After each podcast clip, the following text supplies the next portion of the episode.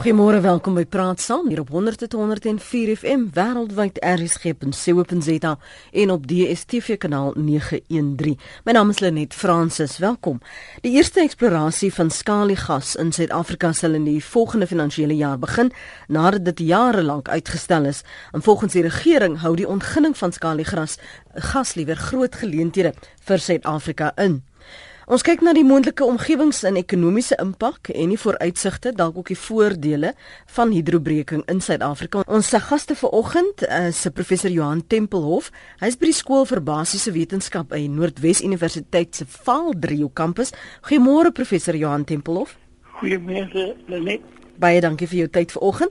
En ons praat ook met Fanie De Lange. Hy's lektor by die Instituut vir Grondwaterstudies verbonde aan die Universiteit van die Vrystaat. Môre Fanie, welkom ook aan jou. Uh, Goeiemôre net, dankie. Professor Johan, kom ons praat gou oor die die jarelange teenstand wat ons gesien het en die bekommernisse wat destyds geopper is. Het dan nou berusting gekom? Ehm um, net ek het nou sedert gister 'n bietjie op die internet gekyk en dit lyk vir my asof die debat uh rondom die kwessie steeds uh aan die gang is. Daar is baie vrae meer vrae as wat daar antwoorde is. En ek het uh, net binne die konteks uh, van vanoggend se gesprek probeer om alles saam te vat in vyf potensiële voordele en vyf potensiële nadele van die skaliegas. Ek kan dit net vir jou uiteensit. Mm. Dan kan mense miskien 'n uh, 'n uh, 'n uh, uh, kontemporêre uh, of 'n onmiddellike uh, kom ons sê indruk kry van wat die situasie is.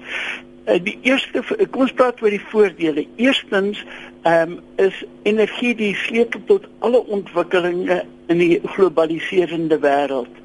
Ehm um, skaliegas uh, is 'n onkonvensionele vorm van gasontginning, maar dit het binne die bestek van net 'n bietjie meer as 'n dekade letterlik die wêreld se energieprentjie uh, verander. Mm. As ons kyk na die prys van uh, Rio tans, dit is die laagste wat dit seker in dekades was en is alles as gevolg van skaliegas wat uh, in Amerika ontwikkel is en dit het letterlik Amerika onafhanklik gemaak van oliebronne.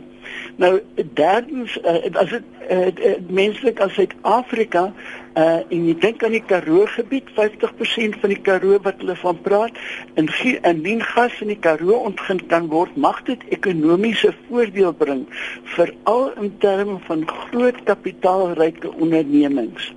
En mens kan aanvaar dat waarskynlik sal gemeenskappe ook daarby voordeel trek, maar ons kan daaroor later praat. Suid-Afrika word gereken tans as een van die, tussen die 5de en die 8ste grootste gebiede met potensiële gasbronne. So de, ons sit waarskynlik op 'n uh, 'n uh, eislike 'n uh, rykdom van skaliegas en dit sal uh, definitief ons land se ekonomie uh, kan versterk. Mm. Uh vyftens die verspreiding van die potensiële energiebronne wat ons tans tot ons beskikking het. Steenkool is steeds volop beskikbaar, maar as mens praat oor die volgende 30, 40 jaar dan gaan ons definitief minder steenkool tot ons beskikking hê en as ons skaliegas kan toevoeg tot ons voorraad van energiebronne sal dit bepaald voordelig wees.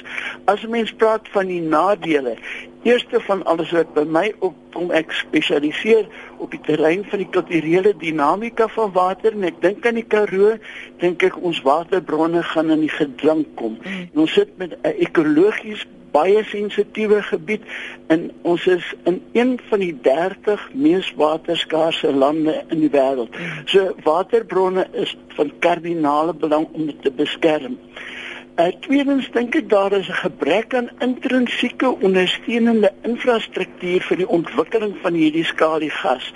Uh, want jy het geweldige um, um, uh, infrastruktuur nodig om so 'n bedryf aan die gang te sit. En dan sê ek uh, die Karoo is ekologies 'n baie sensitiewe gebied. Die bestaande gebruik van die land is baie na aan die natuurlike gebruik en ons het definitief waarskynlik 'n beperk wat ons nie mag oorskry nie. Tweedens sal ons uh, reken ek dat gas sal nie noodwendig baie goedkoper wees as ander bronne van beskikbare energie nie. Mm. Ons werk in 'n vrye mark, so ons sal steeds 'n hoë prys betaal en dit sal betaal moet word in 'n vrye mark. Goed, vyftens reken ek dat die ekonomiese welvaart wat voortgaan spruit uit uh, die ontsluiting van die skadigas nie noodwendig tot die voordeel van gemeenskappe sal werk nie. Eh uh, want in in al die beplanning wat ek tot dusver gesien het, ja. lyk dit asof dit een van die uitstaande vraag uh, vraagstukke is wie gaan voordeel trek uit dit. Ja. Ek dink in later wanneer ons met uh, Louis Rousseau gesels, is dit een van die aspekte wat ons ook oor gaan gesels wie gaan voordeel trek, maar ook jy het net nou verwys dat ons bietjie moet stil staan by gemeenskappe wie gaan werklik die ja. werk kry.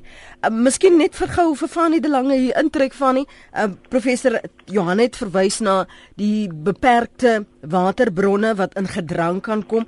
Dit is jou spesialiteitsveld. Ehm um, verduidelik vir ons die impak wat dit het op ons waterbronne en ook wat wat gebeur wanneer ons sê goed ons is nou besig met hidrobreking en waarom het ons water so nodig?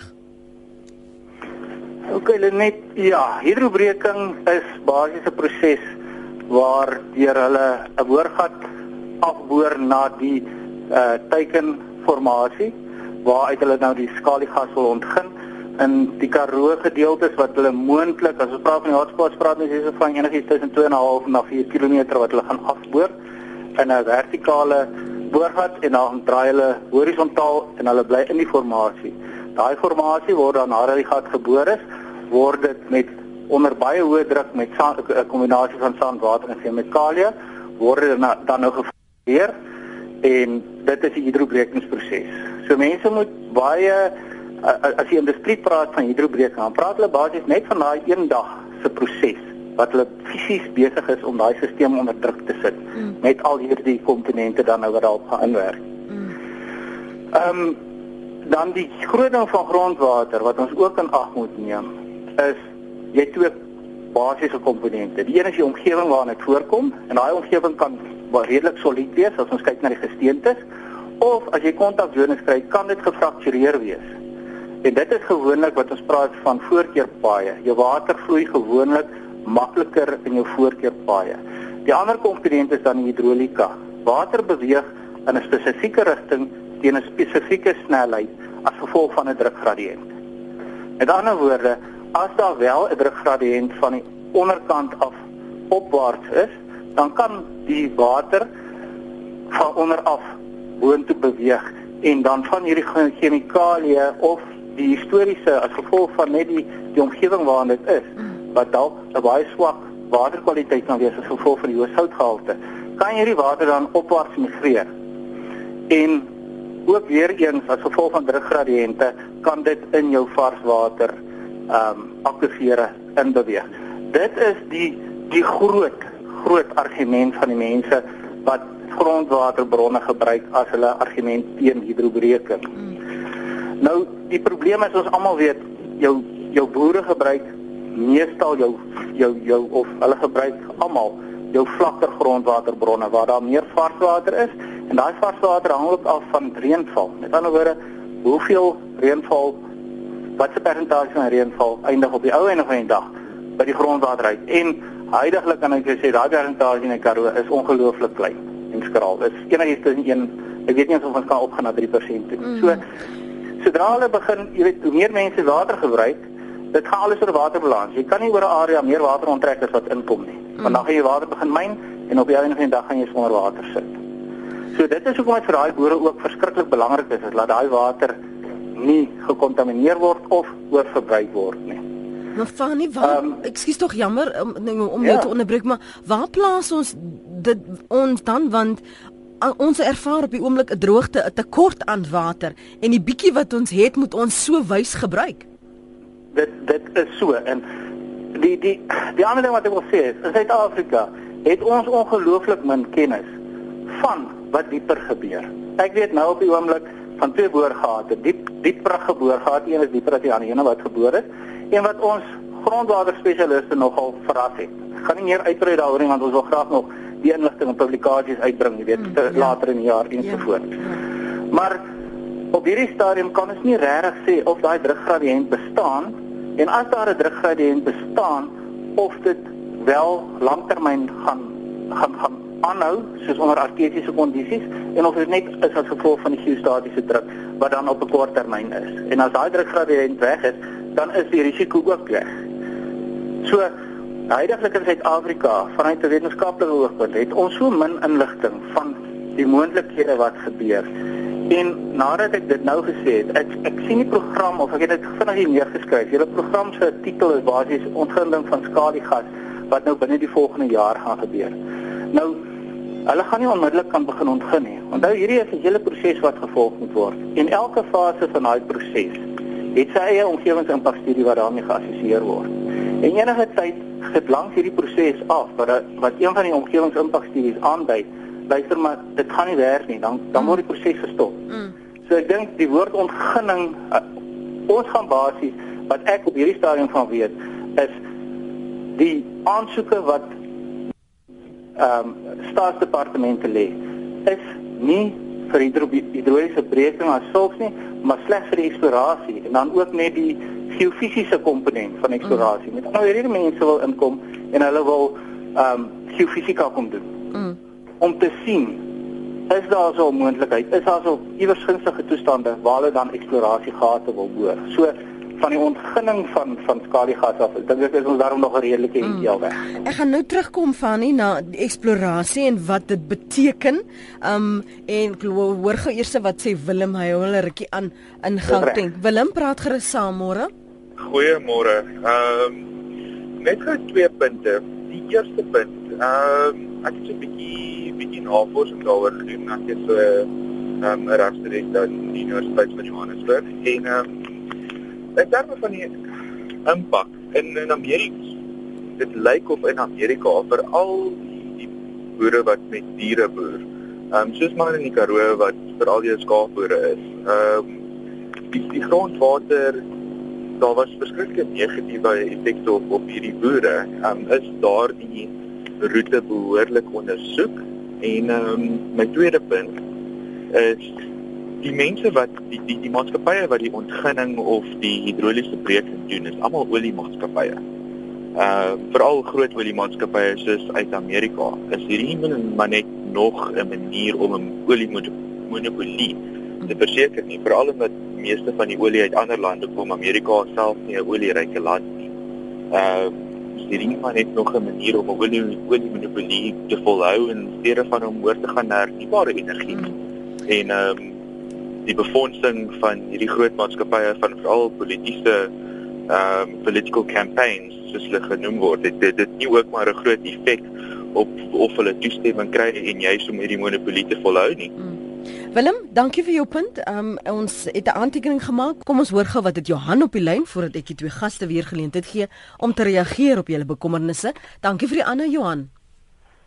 Goeiemôre. Ek net uh, volgens my kennis is die uh, langtermyn navestiging van die projek glad nie arbeidsintensief nie. Dit is nie so steenkool of goudmyn waar daar fisiese arbeid verrig moet word om die produk uit die grond uit te kry word bloot uitgepomp. So as iemand net daarvoor ons aanduiding kan gee van hoeveel werksgeleenthede geskep kan word. Die tweede ding wat ek wil vra is raak die projek die oppervlakte bo met ander woorde gaan mm. ondergrond verminder word mm. en hoeveel hoe raak dit die oppervlakte? Hoe uh, omvangryk is dit mm. en hoeveel landbougrond gaan ons verminder daardeur? Dis net die twee punte wat ek Baie dankie Johan. Waardeer dit. Kan ek by Johan se se laaste punt gou aansluit Fani, want jy praat die hele tyd van die drukgradiënte en ek weet nou jy wil nou nie uh, nou al deel wat jy ontdek het en tot dusver wat jy verras het nie, maar kom ons spekuleer, wat vermoed jy gebeur op die oppervlak wanneer daardie druk gradiënte so intens raak. OK, cool. weet jy dit is dis moeilik om te praat onder prentjies. Maar ehm um, kom ons neem dan aan daar is 'n drukgradiënt van diepte af na die oppervlak toe. Dan tydens die proses weet ek dat hierdie kom ons sê die maatskappy wat dan nou inkom in die eksplorasie gat boor. Daar seker omtrent 4 of 5 verskillende staalvoerings elkeen intussen in is so nou word dit met sement geseël. So as hulle deur die grondwater, die vlak grondwater gedeelte beweeg wat deur die plaaslike boere en die gemeenskappe gebruik word. Het hulle nou uit ondervinding geleer dat hulle moet hulle konstruksie van hulle boorgate moet ongelooflik goed wees en dat die materiaal wat hulle gebruik word of wat hulle gebruik moet voldoen aan redelike hoë standaarde. So dit is hulle manier om dan te voorkom dat sou daar so 'n drukgradiënt van onder af opwaarts wees, dan kan dit nie in 'n horisontale rigting in die vlakgrondwaterbronne in beweeg nie. Die water wat dan op op die ou einde initieel praat hulle van flowback. Met ander woorde, sodra hulle daai dag lank, kom ons kom ons sê nou maar dis 'n dag lank. Dit is nie altyd 'n dag lank nie, dit kan korter of langer wees. Maar kom ons sê nou maar die periode nadat hulle die stelsel onder druk geplaas het om die hidrobreking dan uit te laat plaasvind. Onmiddellik daarna kom ons nou natuurlik as gevolg van die druk nou weer 'n klomp water uit. Ons praat van die flow, hulle praat van flowback. Mm. Daai water word opgevang. En baie dit dit, dit word sommer basies uit die boorgat uit. Wat hulle nou in Amerika doen op die oomblik is, dit word in tankers in gepomp direk wat dan na 'n volgende plek toe gaan waar daai selfde water weer gebruik word vir die hidrobrekingsproses. Dan oor die langtermyn is dit kom daarso nog steeds klein bietjie water as gevolg van die druk. Afhangende van jou geologie eh, gaan die volume van die water dan nou varieer. Maar die water wat dan daar ehm um, bo by die oppervlak uitkom, vang hulle dan in JoJo tanks op en dan een keer 'n maand het hulle tanker wat rondry en al daai water gaan haal en dan word dit na een of ander plek toe gevat waar daai water dan nou weer behandel word. So dit dis dis basies die wat wat hulle doen hmm. om die die water wat bokant opeindig. Jy weet, te sorg dat dit nie 'n omgewingsimpak het nie. Gaan dit wel landbougrond verminder? Die, afgesperde gebied of die getekende gebied? afhangende van die skaal op hierdie stadium as jy gaan kyk in Amerika en Pennsylvania in daai plekke ons was daar gewees ons het fisies vir 'n halwe dag rondgery voordat ons by wat hulle praat van 'n wellpad kon uitkom ons kon nie dit jy weet die jare is dalk nog groter as jy weet die Karoo en so mm. maar dit dit dit is so goed weggesteek en die omgewing is so goed behandel op daai stadium laat ons gesukkel het om by so operasie uit te kom. Maar as jy dan by hulle uitkom, ja, dan sien jy hulle. Maar op hierdie stadium het ons nog geen idee van die skaal van enige van die maatskappye of dit 10% van hulle ehm um, jy weet area eksplorasie area gaan wees of dit 20 of 50% is. So ons het geen aanduiding en ek dink ook nie die maatskappye self kan vir ons 'n aanduiding gee voordat ons nie by die eksplorasie werk uitgekom het nie. Hmm. Hoor jy? Professor, ehm um, Johan, ek is nou nou by by jou Dan of ja, lyk my dis Dan en Vrede wil gou vinnig sy bydrae lewer. Is 09:30 môre Dan? Goeiemôre, ek is Dan Kroeje van die Vrede gebied. Ek is een van die geaffekteerdes in die gebied wat nou geteken word vir eksplorasie. Mm -hmm. Nou ek glo nie mense besef ten volle wat die impak van so 'n uh, ontginning vir 'n gebied is nie. Nou die gebied wat geteken word is die Noord-Oos-Vrystaat en die suide van Gauteng, dele van Mpumalanga en die Noord-Natal area. Nou net in kort, die area as ek vinnig van my uit moet moet reken, lewer van landbouproduksie in Suid-Afrika seker tussen 10 en 20% van mielieproduksie, wolproduksie, vleisproduksie vir die Suid-Afrikaanse mark. Wat mense nie besef nie, As die eksplorasie en die ontginning begin, word alle ondergrondse water word weggeboor, né? Dit word uh, vergiftig soos nou weer die geval was in Pennsylvania waar 4,5 miljard rand toegestaan is, 'n dollar toegestaan is vir uh, vir 'n eis wat uh, alle water was vergiftig met uh, metaangas en allerlei sulke goed. Daar's gereeld eise in Amerika. 'n Ander ding wat my baie ontstel, hierdie afloopgebied na die Vaaldam toe is hierdie gebied wat die watervoorsiening grootliks vir die Valdam area is vir Johannesburg Gauteng area. Wie gaan die polisieering doen vir vir uh uh, verspilling van mm. van gasse en olie mm. as nie een uh storage aanleg in Suid-Afrika mm. uh, behoorlik gepolisieer word en nie een stortingsterrein in Suid-Afrika word behoorlik gepolisieer nie. Uh, ek het 'n ernstige be, ernstige beswaar en die landbouer wie se wie die grondeienaar is, het geen geen geen voordeel in hierdie hele aangeleentheid nie. Uh want hulle werk ondergronds en die regering sit met al die ondergrondse regte. Jou plaas gaan onboerbaar word totaal algeheel totaal onboerbaar word waarvoor jy nie 1 sent vergoeding ontvang nie. Hier is soveel voerkrale in Suid-Afrika waar en melkerye in Suid-Afrika waar op groot skaal metaangas kan uh, ontgin word deur beesmis byvoorbeeld. Ek noem nou maar 'n snaakse uh, woord wat ek sê. Maar daar is genoeg plekke het, het, het ons ontgin ons sonelektrisiteit en sonkrag en windkrag behoorlik. Hoekom moet ons nou 'n omgewing totaal totaal verwoes? Luister mooi, totaal. Ek het 'n seun met 'n North Dakota ry hy olie met sy eie vragmotor uit die putte uit aan en hy het net vir my gesê, "Pa, solank as jy hierdie storie kan stop, moet jy dit stop. Dit word onbeheerbaar, onboerbaar in daai omgewing." wat 'n waterryke gebied is ja. wat nie so afhanklik is van water soos ons hier in die Hoofveld want dit is 'n afloopgebied. Ons het nie groot mere en damme wat ons kan ontgin vir mm. water vir die dier diere verbruik. Mm. Ons is afhanklik van boorgate. Boorgate word vergiftig met metaangas, veevrek op groot skaal oral waar dit gedoen word. Wat gaan gebeur? Ons word nie eens sent vergoed, maar ons ons ons ons omgewing is verwoes. Hierdie mense loop oor jou. Hulle het hulle eie maatskappy aangestel om die impakstudie te doen. Mense wat deur hulle betaal word.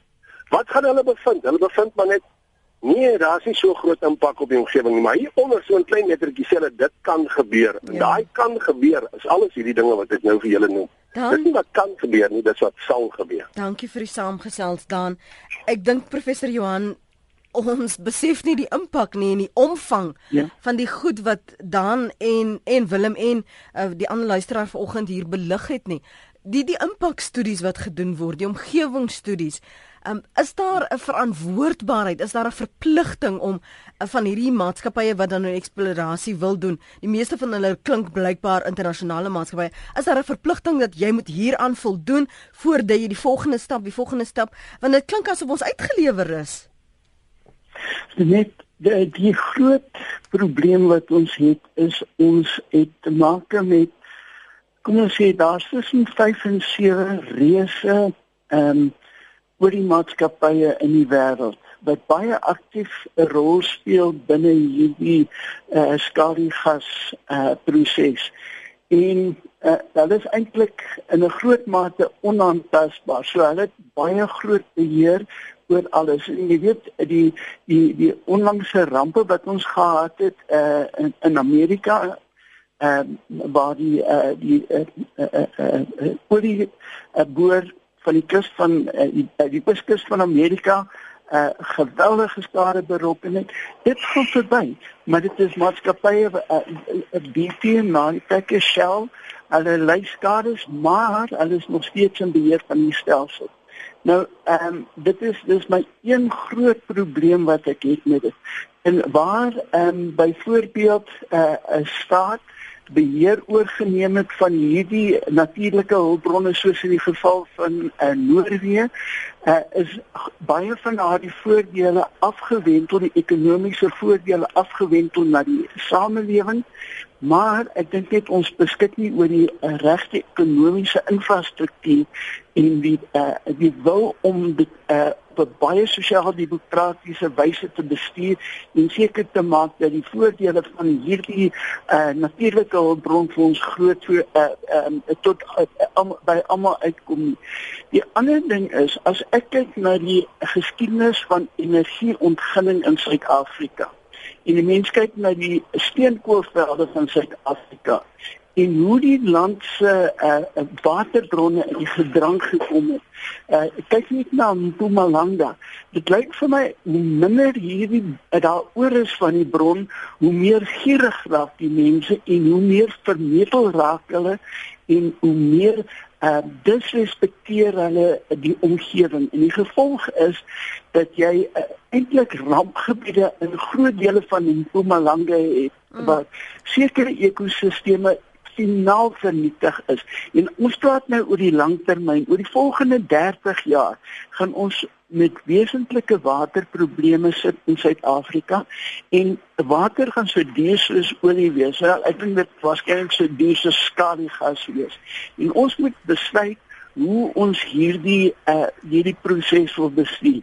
So ek reken nie eerstens van uh, uh eerstens sit ons met 'n swak staat wat nie daartoe in staat is om die uh, uh, tegniese infrastruktuur te vo voorsien wat hulle byvoorbeeld in die FSA het nie mm -hmm. want hulle uh, uh, gebruik van olie en gas gaan baie jare terug hulle het 'n uh, baie sterk gevestigde infrastruktuur van tegnologie en kundigheid op hierdie terrein ons sal al daardie goed moet invoer na Suid-Afrika Ek luister na al die tegnologie wat beskikbaar is en ek verstaan met die jongste tegnologie het jy 'n uh, 1 tot 2% foutwerking van gas wat kan ontsnap. Mm. Uh, ek dit is baie goed, maar wat gebeur as jy 'n uh, 'n uh, 'n uh, uh, onstabiele geologiese struktuur het? Ek weet die Raad vir Geowetenskappe is tans besig met navorsing en my kollega van die Vrystaat is waarskynlik daarbey betrokke. Dit gaan 3 jaar duur en laat ons daardie 3 jaar deursit en kyk wat gaan gebeur. Maar ek dink uh, ons moenie sonder meer net gaan op wat uh, konsultante wat omgewingsimpakstudies doen en dan vir ons sê dit is dit is goed, dit is hoogstedig. Mm. Ons moenie daarvoor van nie. Daar is nie genoeg vir die uh, wat jy sê in Engels checks and balances ja, ja. om seker te maak dat ons uh, die beste gaan kry vir die Suid-Afrikaanse samelewing wat in 'n baie baie spesiale ekologiese stelsel funksioneer. So so Willem se bekommernis dat ons dalk hier die vorming van olie monopolie kan sien is nie so ongegrond nie. Kyk, eh, eh, ons kan nie sonder daardie monopolie funksioneer nie. Wat vir my net interessant is, ehm um, uh, Sasol wat die meeste kundigheid het op die terrein van gas, die ontginning van gas en die omskakeling van gas in brandstof het hom onttrek aan die uh die uh, aktiwiteite um, in uh, uh in die Karoo. Ek het vir 'n uh, 'n uh, uh, uh, persoon gevra binne Sasol nou hoekom moet julle ouens dit besluit? Hmm. Hy sê vir my, ehm um, ons het gekyk, ons het die somme gemaak en dit is voorlopige berekeninge. Die aanduidings is dat daar 'n hense oorskatting is van uh, van uh, die beskikbare skaliegas in die eerste plek en die tweede plek is dit net ekonomies riskant. Ons kan water indry. Ons kan water eh, Suid-Afrika is een van die wêreldleiers in terme van oordragstelsels in water. Ons het al daardie kundigheid. Ons kan dit doen, maar teen watter prys? Teen watter prys gaan ons skaliegas ontgin? En wie gaan op die ou einde voordeel trek uit dit?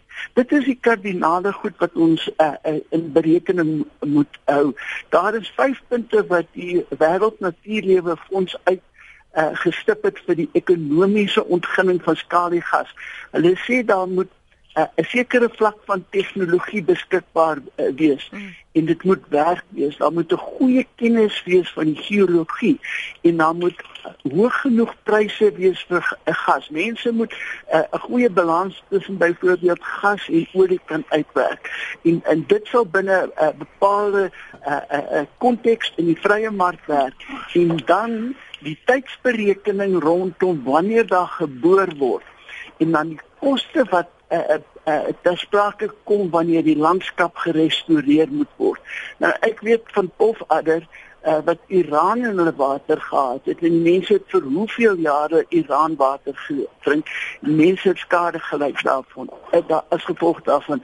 En nou word water gepyp na uh, Pofadder toe maar daardie uh, ekonomie die streekse ekonomie wat steeds baie aangewese is um, op die mynbou ehm um, uh, dit het bepaal daardie water nodig en dit is duur water mm. en die mens vra jy op die ou einde is die kolie sous werd. Ja. Uh wanneer mense se gesondheid bedreig word. Ons het nog nie eens gepraat van Iran nie. Wanneer jy in geologiese uh, strukture rondvroetel en na die Iran word vrygestel en selfs al kom dit in klein hoeveelhede in jou uh jou water na vore en jy kan nie uh, jy kan dit altyd met pypleidings verskuif mm, met mm, trokke mm. en alles maar ek ek bly net steeds baie skepties oor uh enige argumente oor ons gaan 'n bietjie chemikalieë byvoeg by hierdie ehm um, uh, uh proses om die uh die vloeibaarheid van hierdie gas uh, te vergemaklik. Ek wil graag weet presies wat is die uh, die gas op op die chemikalieë wat daar ingevoeg gaan word en wat is die implikasies op die ekosisteem mm. en wat hou dit in vir die mens. Ek terugkom na jou Fanny. Wat is die prys wat ons betaal? Wie gaan die grootste voordeel trek? Dink jy? Wel, dit is 'n maklike vraag nie, maar ek stem baie baie saam met professor Tempelhof. Mm -hmm. Ek dink op ja en op 'n dag, ek ken ons geskiedenis in Suid-Afrika en ek praat nou eintlik hier oor iets wat ek nou nie 'n kundige op is nie.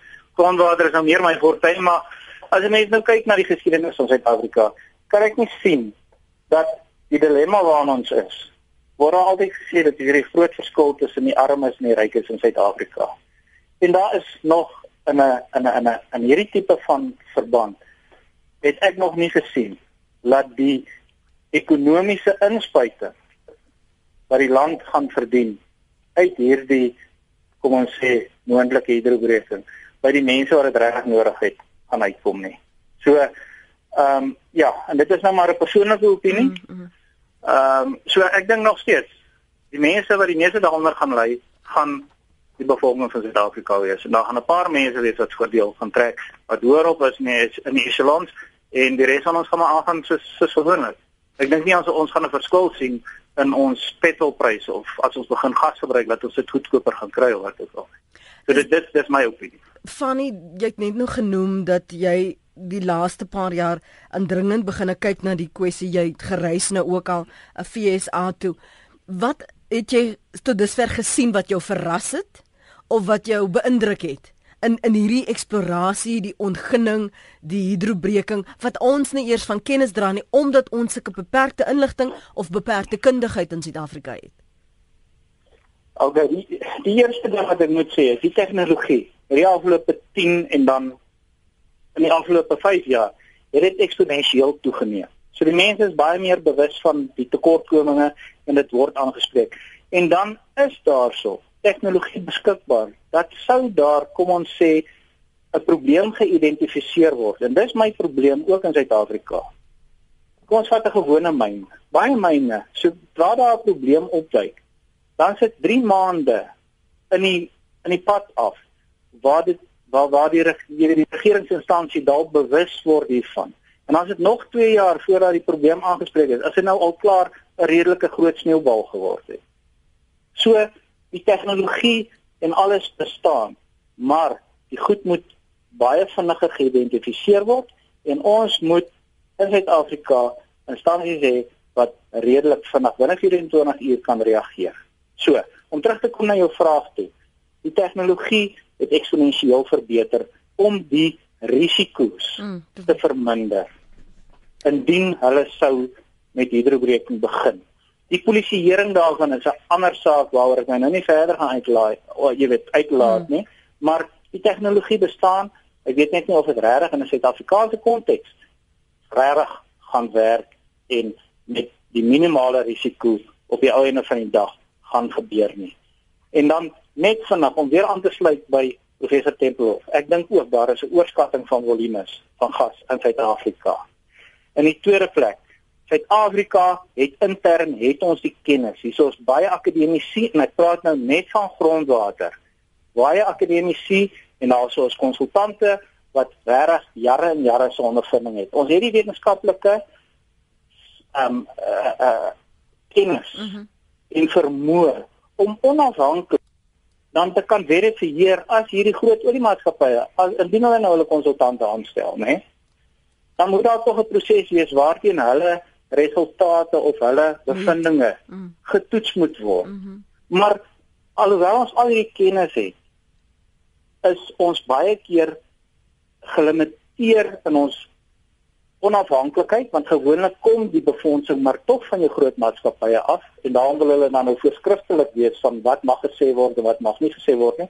So ek voel baie sterk die regering moet iewersters met hulle begin inspring en op hulle eie vir ons kan sien onafhanklik te verifieer ja. Wat hierdie mense kwytraak. Ja. In die derde plek, die enigste manier wat ons dit wel kan doen, en soos ek net nou verduidelik het, ons is teen teen nog redelik ver daarom van ontginning af. Gee tog maar 'n kans. Ek weet die boere is nie almal hulle hulle wil voor die voet nie as die mense kans gee vir eksplorasie nie, maar eksplorasie is die enigste manier hoe ons dan ook kan inligting kry en evalueer om te sien maar wat wat is daarso En dan as ons dit nie onafhanklik kan doen met befondsing van die regering nie, kan ons daarom nog steeds na die kom ons sê die konsultante van die oliemaatskappye kyk. Dan kan ons hulle omgewingsimpakstudies vat en hulle metodologie bevraagteken indien ons jy weet nie heeltemal met hulle saamstem nie. En as ons dit nou deur hierdie hele proses is, dan met die boere in die Karoo. En ons het nou al met hulle gepraat. Ek het 'n student wat nou weer verlede week die afgelope 2 weke by hulle was die ontvangs is baie goed. So en ons doen absoluut net navorsing wat nie deur oliemaatskappye kan ek wil ek sê enigstens befonds word nie en dit is om agtergrondwaardes te kry. Want dis die probleem in Amerika. Is toe die die popo die fan stryd nê. As ek dit nou mag gebruik. Toe het hulle geen agtergrondwaardes. Met ander woorde historiese waardes gehad om mee te vergelyk nie. Met ander woorde as ek as 'n eienaar hof toe wil gaan omdat een of ander oliemaatskappy my grondwater te beïnvloed het, dan moet ek tog kan sê, maar luister mense, hierdie is wat my grondwaterkwaliteit was. Ja, ja. En dit is wat dit nou is en daarom. En dit is hoekom in Amerika was daai proses nie gevolg nie. Suid-Afrika is die eerste en die enigste plek in die wêreld waar ons nog die Karoo het in sy uniekheid. En dit is hoekom ek weet daarin daar is op hierdie stadium baie navorsing wat gedoen word om agtergrondwaardes te begin kry. En die boere is baie tegemoetkomend in ons waardeer hulle samewerking. Dat ons hierdie inligting kan kry sodat as die dag as daar 'n impak geïdentifiseer word, kan ons wel hof toe gaan. Mm. En sê luister, maar dis wat dit was. Dis wat dit nou is en dit het gebeur vandat jy hier begin het. So, jy weet, so ten minste het jy 'n verwysingspunt en dis hoekom die navorsing so belangrik is. En van as as jy weet die boere, hulle moet onthou, ons het 'n waterwet. Daar's so 'n gedeelte in die waterwet wat voorsiening maak vir hulle om vrae te vra. Hulle kan 'n forum stig en hulle kan vir hierdie oliemaatskappy sê luister, stuur vir ons julle mense, ons stig 'n forum, die regeringsdepartemente, waterwese, omge uh, omgewingsake, landbou almal mm. moet deel wees van die forum. Ja. En dan kan hulle vir die mense sê reg, weet julle wat? gevolg van julle lisensie. Gewoonlik moet jy as dan 'n waterlisensie ook hê. Waterlisensie, grondwater mm, word gewoonlik in 'n mynbou omgewing op 'n kwartaallikse basis gemoniteer. Want dit is die ander groot ding, is die langtermyn monitering. En dan moet hierdie ouens kom terugvoer gee op daai forum vergaderings. Ja. Vier keer 'n jaar. Ja. En hulle moet dit rapporteer aan waterwese en sê en dan op daai forums, daai forums kan die boere gebruik om hulle gruwe te lig mm. en vir hierdie mense te sê voor waterwese, voor omgewingsake, hierso is ons vrae antwoord asseblief hierdie vraag en dan kan hulle die ouers dwing om daai vrae te beantwoord. Wonderlike idee dat mense moet mobiliseer want dan maak jy in in dwing jy eintlik hierdie verantwoordbaarheid ja. af. Jy kan dit nie sonder ons Maar gebruik van die waterwet, daar ja. is 'n komponent daarin wat die boere kan help om hierdie mense verantwoordbaar te hou. Kom ek hoor gou wat het Mohammed op die hart, Mohammed? Goeiemôre, hoe gaan dit met julle mense? Goed en jy? Kan nie kla nie. Lanet man dan ek daar's van die vorige sprekers wat ingebel het wat wat gepraat het oor die gevaar van die water. Daar seker punte wat ek saam met die professor stem mee wat sê hy was in Pennsylvania gewees. Um, ek het gepraat met 'n met 'n persoon wat uh, um, uh, met 'n televisie maar ja, dokumentêre program te doen gewees het in Amerika mm. en hy Suid-Afrika toe gekom, die SABC Mnet en um ETV het geweier om die pro, die program uit te saai, maar een van die Kaapse die Cape Town TV um, gemeenskap televisiestasie het toe die program gevat mm. en hulle het dit uitgesaai. En um 'n mens kan by hulle ook navraag doen om om om om te, om die program te sien. Um, jy sien um, as as 'n baie ehm um, hoe kan ek sê ehm um, Okay, Mohammed, sê gou vir my, sorry, op watter punt uh, wat jy nou in die program gesien het want ons het dit nou nie gesien nie. Op watter punt wat wat 'n Fanie gemaak het wat wat jy nou nie nadat jy nou die program gesien het nou nie meer saamstem nie. Belig of met daai punt. Die punt wat ek daarin sê was van die wat hulle praat van die vragmotors wat die water inbring en so voort. Mm -hmm. Ek het dit gesien in hy program uh, die die ding van die vragmotors wat die water inbring. Kyk, hy mense, hulle gaan tot in die diepte van sake in en dit en dit en, en dit affekteer die water toestande in die, in die area en ek het nog gehoor die persoon praat nou van die boere wat of wat 'n forum kan stig en doen. In Amerika het die mense dieselfde ding gedoen aan die ander kant en hulle het nêrens gekom teen teen hulle regering aan nie. Ja, um, maar dit nou, beteken... wat in Suid-Afrika het ook so 'n klomp slap regeringsamptenare wat nie saam met die mense staan nie. Hulle staan net saam met die mense wat net stemtyd kom is Ja. En jy gaan regtig wel 'n groot probleem af veroorsaak die die ding. Um, as dan net daai program kan kyk het op op op op op die televisie, dit is die skok gou wat jy jou liggaam. Dankie vir jou oproep Mohammed, waardeer dit. Wynand sê tans word baie waardevolle landbougrond in Mpumalanga verwoes vir steenkool. Die Karoo het 'n lae landbou draagkrag. Dit sal baie minder skade aandoen om skaliegas in die Karoo te ontgin as wat daar op hierdie oomblik in Mpumalanga gebeur. Myne skeur die aarde dood eenvoudig op om by die steenkool te kom. Byna soos die verkrachting van die aarde. Skalieontginning is skoner, sit hy in aanhalingstekens, en sal baie minder skade aanrig. Die gate kan ook agterna toegestop word waar die skade by steelkoolmyne permanent is. Ter Resa de Vries hulle net ons het dieselfde indien nie erger probleme in die Noord-Kaap met SKA projek nie. Grond gaan onteien word om 'n woestyn te skep wat nie aan die begin so was nie. Ons selfoonkommunikasie word weggeneem en beweging beperk. Hier dreig nog 'n groter ramp as fracking, skryf Teresa de Vries. Dr Martin Groenling op Stellenbosch sê Ek sien in die National Geographic van Maart 2016 dat die koste om skaliegras in Noord-Amerika te ontgin, dit wil sê die produksiekoste is ongeveer 65 dollar per vat. Gesien teen die huidige prys van 'n vat olie, 30 eh, tussen tussen 30 en 40 eh, dollar, is my vraag wie gaan vir die verlies instaan in 'n tyd waar Suid-Afrika nie kan bekostig om nuwe verliese aan te gaan nie. Dis byna groetheid professor, ek wil vir jou die laaste woord gee. Weet ons die die die leeftyd van so 'n projek weet ons nou op die oomblik nog te min om te sê goed hier gaan ons. Kom ons bring hier trokke in. Kom ons gaan voort. Ons begin eksplorasie dit klink vir my asof daar so baie onbeantwoorde vrae is wat gevaarlik is in die, in die, op die langtermyn ja. Ehm um, net ek dink regtig goed ons het nog so 'n bietjie van 'n dienste tydperk oor waar in na navorsing gaan uh, plaasvind en hulle is nou besig om te eksploreer. So dit is 'n soeke. Mm. Maar ek, ek wil net hê ons moet baie baie versigtig dink vir al die mense in die in die Karoo gebied van Suid-Afrika en die Kalahari ook.